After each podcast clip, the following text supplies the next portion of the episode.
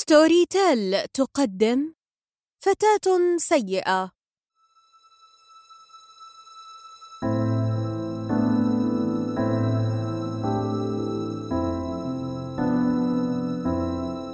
كنت من تلك النوعية من الأطفال التي يفتخر الآباء والأمهات أنهم لم يتعبوهم قط. طفلة هادئة لطيفة. لا تفتعل المشكلات ولا تثير أي أزمات. لم يكن هناك موضوع للعائلة سوى شقيقي المشاغب برأيهم. كنت مجتهدة. لم أجهدهم يوما في مذاكرة أو طاعة. باختصار طفلة الأحلام التي يتمناها كل أب وأم. أمي تسهب دائما في حديثها عن روعتي. أما أبي فلم أصطدم بغضبه يوما. صحيح أنه لم يكن من تلك النوعية الحانية التي تربت على كتف بناتهم لكنني كنت بعيدة عن دائرة نيرانه. أجله وأحترمه وأحرص على عدم إثارة غضبه.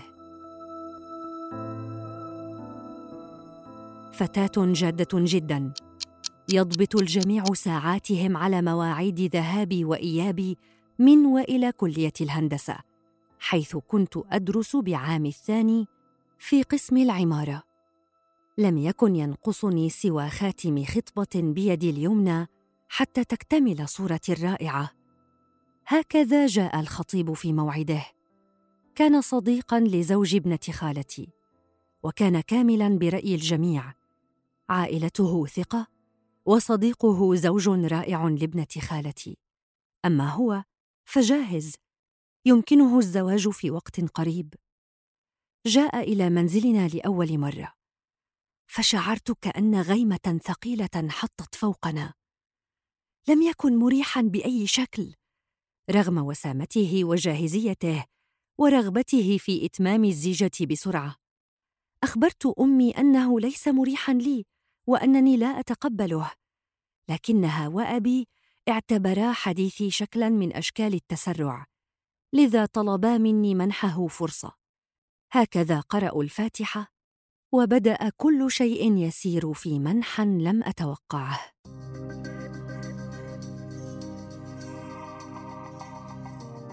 سألني الخطيب يوما هل تمنحين شقيقك احضانا؟ يبدو أنك قريبة جدا منه.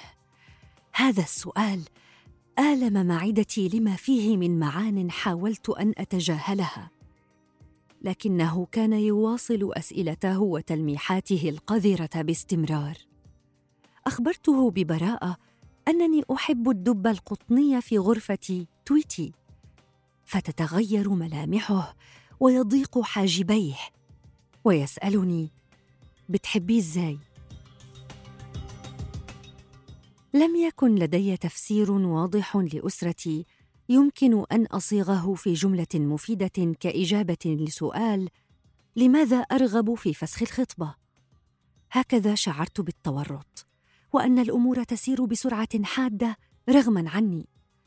رسبت لأول مرة في حياتي بالكلية بينما كان اهتمام أبي وأمي منصبا على ترتيبات الخطبة لأنها على حساب العروس.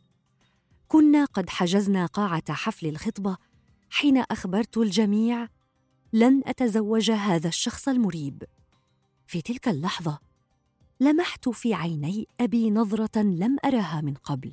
تصورت أنه سيصفعني في لحظتها لكنني تجاسرت على التمسك بموقفي وشعرت أن هناك امرا تغير في صوت وملامح أبي. امرا ينذر بأن امورا سيئة ستحدث لي عما قريب. كان كالمضروب على رأسه. لذا لم أحظ منه ومن أمي إلا ببعض الأسئلة الاستنكارية حول قراري الذي وصفاه بالغبي. وبدا أن هناك أسئلة في رأسهم حول قراري تحتاج إلى إجابة. لماذا رفضت فتاتنا العريس الموعود؟ في ذلك التوقيت كان لدي صديق بالكلية أثق به كثيرا ونتبادل مكالمات عادية في إطار الدراسة بالكلية. وكان الجميع يعرف بأمره حتى قبل رفضي للعريس. لكن أبي فجأة جمع معلومات لا علاقة لها ببعضها ونظمها في رأسه ليستنتج منها أنني فتاة منحلة. أو بالمعنى الدارج بتمشي على حل شعرها. وأنني رفضت العريس لأن لدي نيات غير منضبطة. وافعالا مشينة وعليه راح يضيق علي الخناق. بي أين ذهبت اليوم؟ ومن أين أتيت بكذا؟ ولماذا فعلت كذا؟ شعرت أن نفسي يضيق لذا قررت أن أتحدث إلى أبي في يوم بشأن هذا كله. لكنني فوجئت ببركان غضب انفجر بوجهي صرخ في كثيرا ثم ضربني. كانت تلك المرة الأولى التي يفعل ذلك بحقي. تدخل عمي القاطن بالدور الثاني ليهدئه لكن أبي فعل امرا لم أستطع غفرانه حتى اليوم. أسرع إلى غرفتي وفتح هاتفي وعرضه على جميع الموجودين من أقارب وجيران. رسائل عادية بيني وبين زميلي استشهد بها على سوء سلوكي وأخلاقي. باختصار كانت فضيحة لا تمحى. ختمها بقرار أنني لن أذهب إلى الكلية مرة أخرى. تفاقم الموقف أكثر حين غضبت أمي مما يجري وراحت تسأله عن السر وراء كل هذه الأفعال مؤكدة أنها لن تسمح بمنعي من الدراسة حتى لو انتهى الأمر بالطلاق.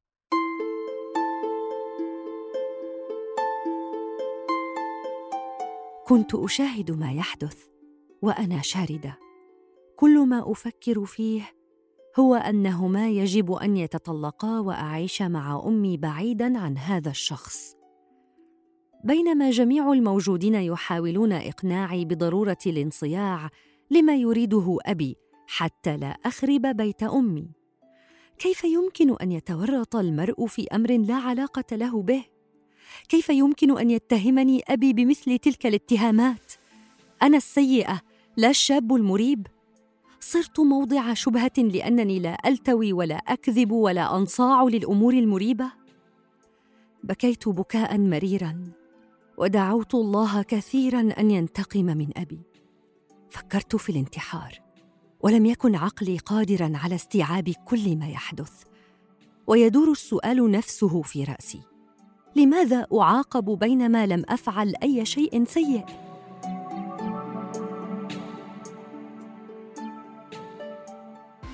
بدأت أختبر اعراضا لم أختبرها من قبل. صارت لدي أوجاع جسدية غير مبررة. أعاني من هبوط مفاجئ رغم أنني أتناول طعامي بشكل طبيعي. إغماءات غير متوقعة ومتكررة. نوم غير مريح واستيقاظ مفعم بالإنهاك. أوجاع في بطني طوال الوقت دون سبب واضح. أما الصداع فصار رفيق كل اللحظات بالإضافة إلى ألم ظهري. لم أزر طبيبا إلا وأخبرني أن هذا كله لسبب نفسي.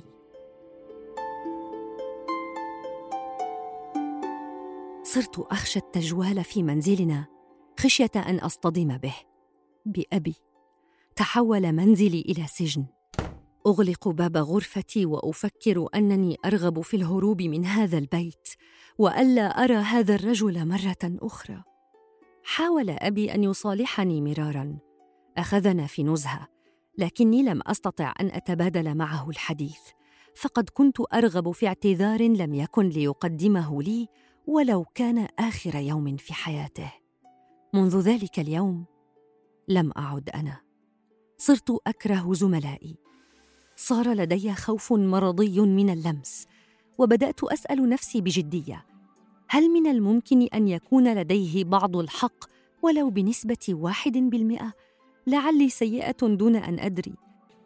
من المستحيل أن يحدث هذا كله بحقي بينما أنا بريئة مئة بالمئة.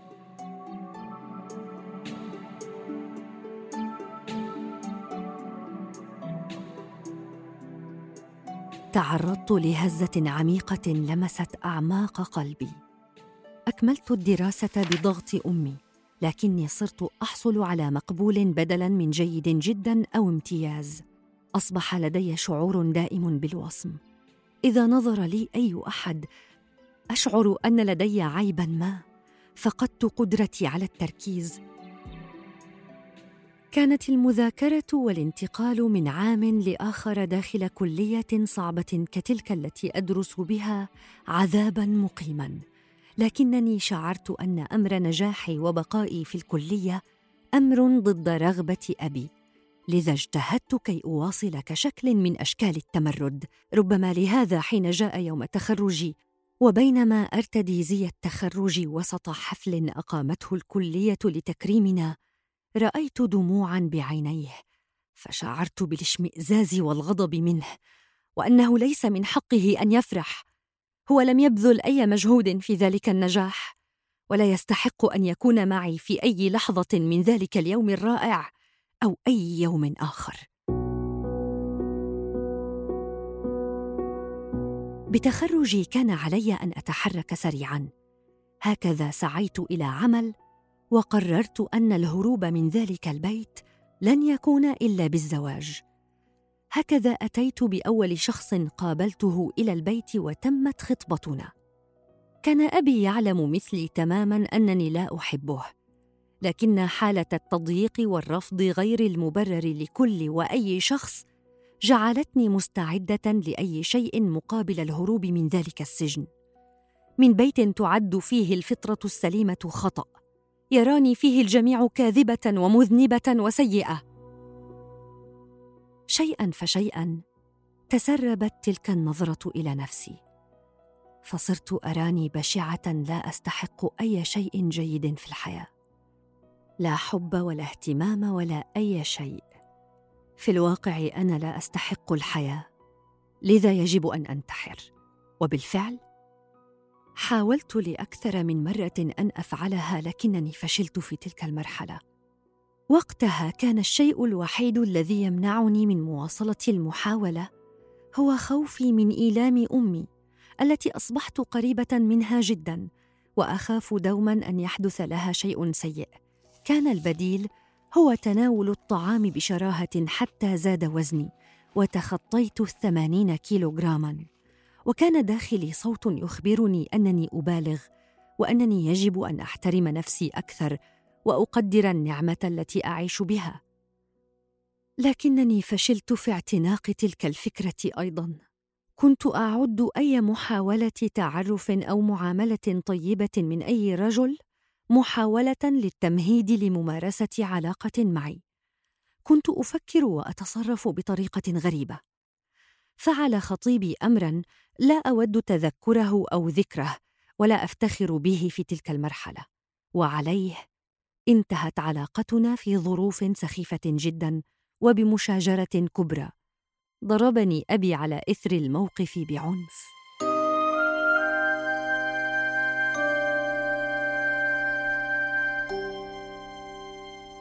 في اليوم التالي ذهبت إلى عملي وكان لي زميل محترم.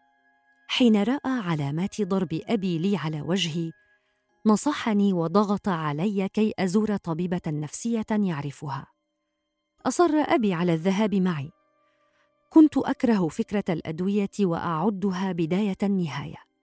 لكن الطبيبة عقب محادثة غير مريحة معي أخبرتني أنني بحاجة إلى الدواء كي أتخطى حالة الاكتئاب التي أمر بها حسب وصفها.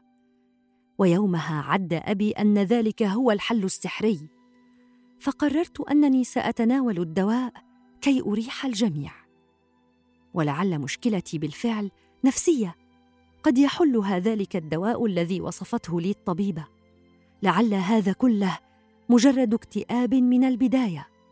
لكن الدواء أصابني بحساسية فامتنعت عن الدواء وعن الطبيبة معا.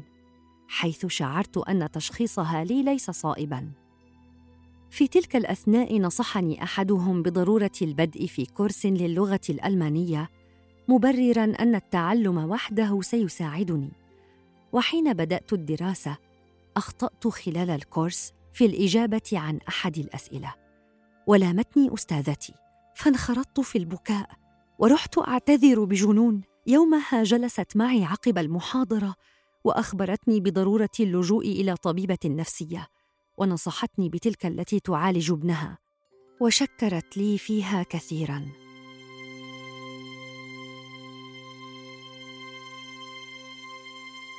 هكذا ذهبت لطبيبتي الثانية وأخبرتها بمنتهى الصراحة أنني لا أثق بها ولا أرى أنه يمكن حل مشكلتي وأنني لا أشعر بالرضا تجاه أي شيء. ولم يعد هناك ما يساعدني لا قراءة ولا فسحا ولا أي شيء. وأنني لم أعد أعرف ماذا أفعل غير أنني لا أمتلك أي حلول أو آمل سواها.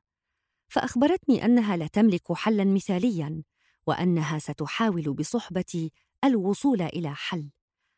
لم أجد بدا من البدء في جلسات العلاج. حيث كنت وصلت إلى مرحلة غير مسبوقة من البكاء المستمر والانهيار النفسي.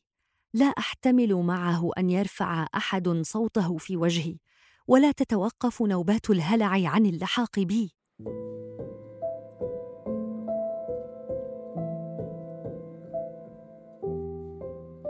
حاولت الطبيبة أن تتواصل مع أبي لتشرح له طبيعة المرحلة التي وصلت إليها.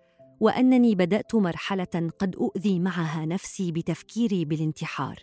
أرادت أن تلفت نظر الجميع بالبيت أنه من الضروري أن يخف الضغط قليلا حتى تتمكن من مساعدتي وكذلك عليهم أن يركزوا مع العلامات التي قد تنبئ بأنني على وشك تكرار المحاولة. لكن والدي رفض الحديث إليها فتحدثت إلى أمي التي أخبرت أبي بالتبعية أنني بحاجة إلى قليل من اللطف في المنزل والأهم أنها أخبرتني أنها تصدقني أخبرتني أن كل شيء بدأ في ذلك اليوم وأنني مصابة بكرب ما بعد الصدمة وأن ذلك الحدث غير نظرتي لنفسي وللعالم بحيث صرت أسيرة له عاجزة عن تخطيه أو تقبله. لا أحتمل أن يروي أحدهم أي تفصيلة عنه. أشعر في لحظتها كأن أحدهم جذبني من ملابسي وأوسعني ضربا من جديد. الحق أنها ساعدتني كثيرا. أخبرتني أن ما فعله أبي لا يتعلق بكراهيته لي أو شكه بسلوكي ولكنه نابع من منظومة قيم بعينها تحكم تربيته وحياته. هو ليس سيئا هو فقط ليس بالصورة المثالية التي اعتدت أن أرسمها له في خيالي. وحتى أمي أخبرتني الطبيبة أن تعلقي بها قد يكون مرضيا وأنها تبتزني عاطفيا دون أن أدري. إذ كانت أمي تتمارض أحيانا لتجعلني أفعل ما تريده لعلمها بشدة خوفي عليها. اكتشفت أن صورتي الذهنية المثالية عن أمي وأبي بوصفهما ملائكة غير صحيحة. هما بشر ويجب أن أتعامل معهما على هذا الأساس. ألتمس لهما العذر أتفهم خلفية تصرفاتهما وأنها ليست كراهية لشخصي ولكنها نتاج طبيعي لعوامل أخرى تخص كليهما.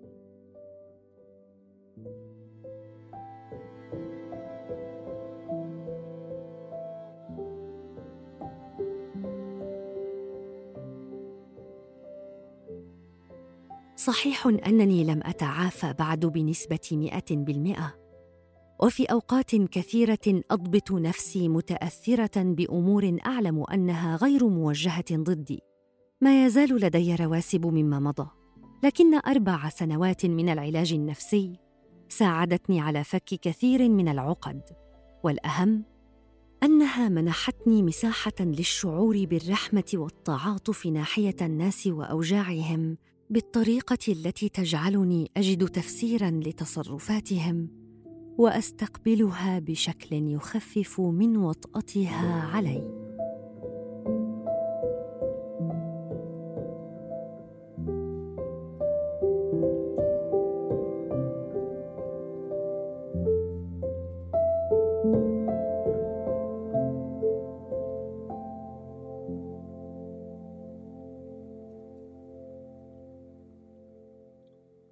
أنت لست فتاة سيئة.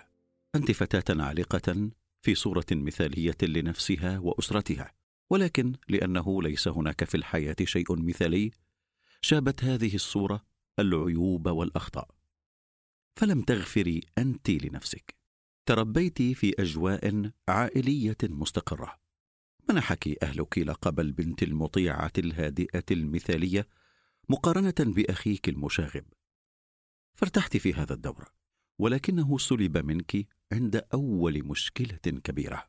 ربما تكونت صورتك عن نفسك بأنك فتاة سيئة بداية مع فقدانك القدرة على المذاكرة ومقابلة الأصدقاء بسبب مزاجك السيء ونوبات الهلع والخوف المستمر. وربما تأكدت هذه الفكرة بأنك فتاة سيئة حقا عندما تصرفت حسب رغبتك لأول مرة في حياتك وتركت المنزل وعصيت أهلك. ذلك لأن هذه الأحداث كلها لا تتماشى مع الصورة المثالية التي حفظتيها في عقلك. أحيانا تكون الألقاب التي يمنحها الآباء لأولادهم حملا ثقيلا يحصرهم في أدوار معينة يخافون الخروج منها.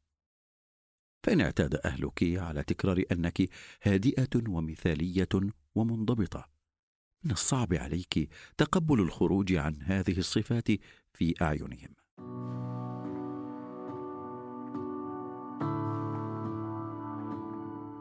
ما تحدثت عنه من خمول وعدم قدرة على تأدية مهامك اليومية هو من أعراض اضطراب ما بعد الصدمة. أصبت بهذا الاضطراب في بداية حياتك. كنت تعيشين حياة مستقرة. ولكن سرعان ما تغير ذلك الوضع عند تعرضك لصدمة عاطفية ونوبات غضب ومتابعة ضرب مبرح من والدك مما أدى إلى فقدان الأمان. رد فعلك طبيعي لابنة لم تكن تعرف هذا الوجه لأبيها بعد. ما حدث لك يسمى بفقدان البراءة والذي يختبره الإنسان عندما يمر بأول أزمة في حياته. البعض ينكسر قلبهم من حبيب. آخرين يتعرضون إلى أزمات عائلية وهكذا. بالنسبة لك الصورة المثالية التي عرفت نفسك وأهلك بها تغيرت فجأة ودون سابق إنذار. والأب الذي من واجبه أن يكون مصدرا لأمانك أصبح هو الخطر ذاته. والأمان الذي يحتاجه أي إنسان يمكن أن ينقسم إلى أمان مادي ومعنوي. المادي على سبيل المثال هو أن يكون لديكم بيت في مكان آمن لا منطقة حرب. أن يكون لدى أسرتكم دخل ثابت ومستقبل واضح.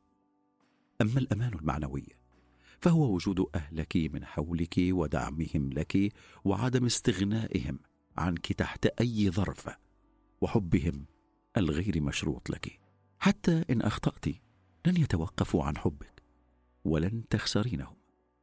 ولكنك للأسف فقدت الأمان المعنوي مع حادث والدك.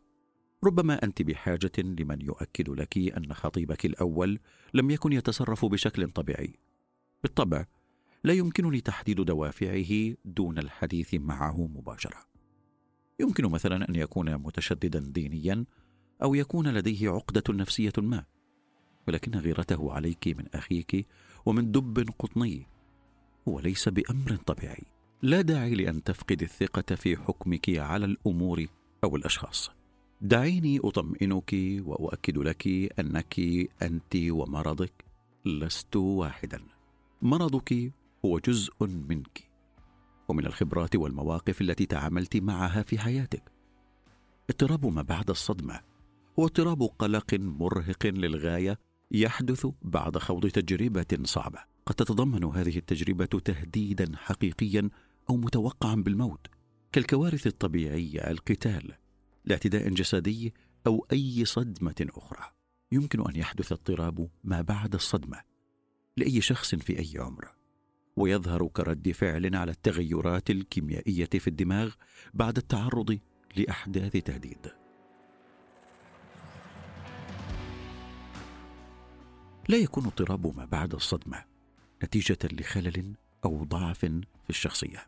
طبعا قد يؤدي اضطراب ما بعد الصدمة إلى تعطيل أنشطتك اليومية مثل الدراسة والرياضة وتكوين علاقات اجتماعية سوية. ويمكن تقسيم أعراضه إلى أربعة مراحل لنمر عليهم سويا. أولا إعادة التجربة. في هذه المرحلة يشعر الشخص أنه يعيش التجربة الصعبة ذاتها مرة أخرى عن طريق صور ذهنية أو كوابيس. ثانيا التجنب. في هذه المرحلة لا يبالي الشخص بأي شيء أنشطة دراسة عمل إلى آخره. ويتجنب الناس والأماكن التي تذكره بالحدث الصادم. ثالثا الإثارة والانفعال. في هذه المرحلة يصاب الشخص بنوبة تهيج ومبالغة في ردود الأفعال وصعوبة في النوم. رابعا وأخيرا الإدراك والمزاج. في هذه المرحلة يتوارد للشخص أفكار سلبية عن نفسه كأنه بلا قيمة مثلا وقد يشعر بذنب شديد أو ندم كما يمكن أن يواجه مشكلة في تذكر الحدث بالتفصيل. كي يكتمل تعافي مريض اضطراب ما بعد الصدمة يجب أن يمر بالمراحل الأربع أحيانا تطول بعض المراحل عند بعض الأشخاص وذلك يعتمد على حالتهم النفسية وكذلك ظروفهم الحياتية. عندما ينتكس المريض في مرحلة ما قد ترد إلى عقله فكرة الانتحار. ولكن هناك مجموعة من طرق العلاج المهمة للمصابين باضطراب ما بعد الصدمة تساعد في حمايتهم من هذا الخطر. ومن بينها العلاج المعرفي السلوكي. الذي يساعد الشخص على تذكر الحدث الأليم والتعبير عن المشاعر السلبية وتخطيها. دورات العلاج الجماعي التي تساعد الشخص أن يشارك تجربته مع الآخرين.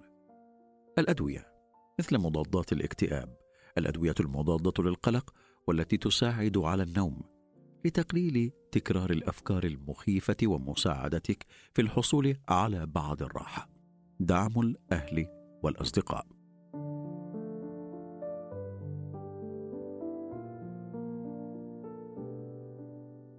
ذكرت سريعا أنه قد حدث موقف ما مع خطيبك الثاني. موقف لا تودين تذكره أو ذكره. وانتهت بسببه علاقتكما. وضربك أبوك بعده. يبدو لي عزيزتي من حديثك أن هذه أعراض صدمة ثانية.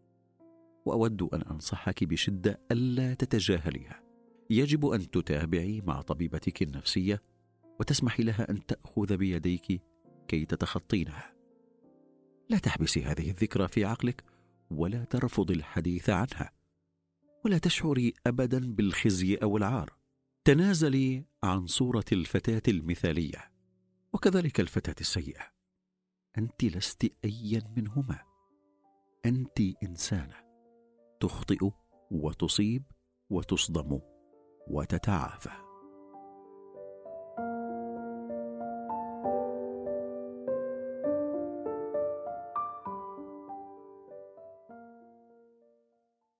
قدم الإرشاد النفسي المعالجة النفسية إنجي السعدي. هذا المحتوى مقدم من ستوري تيل ومدعوم وممول من قبل مشروع CFI المشغل من قبل وزارة الشؤون الخارجية والتنمية الدولية الفرنسية.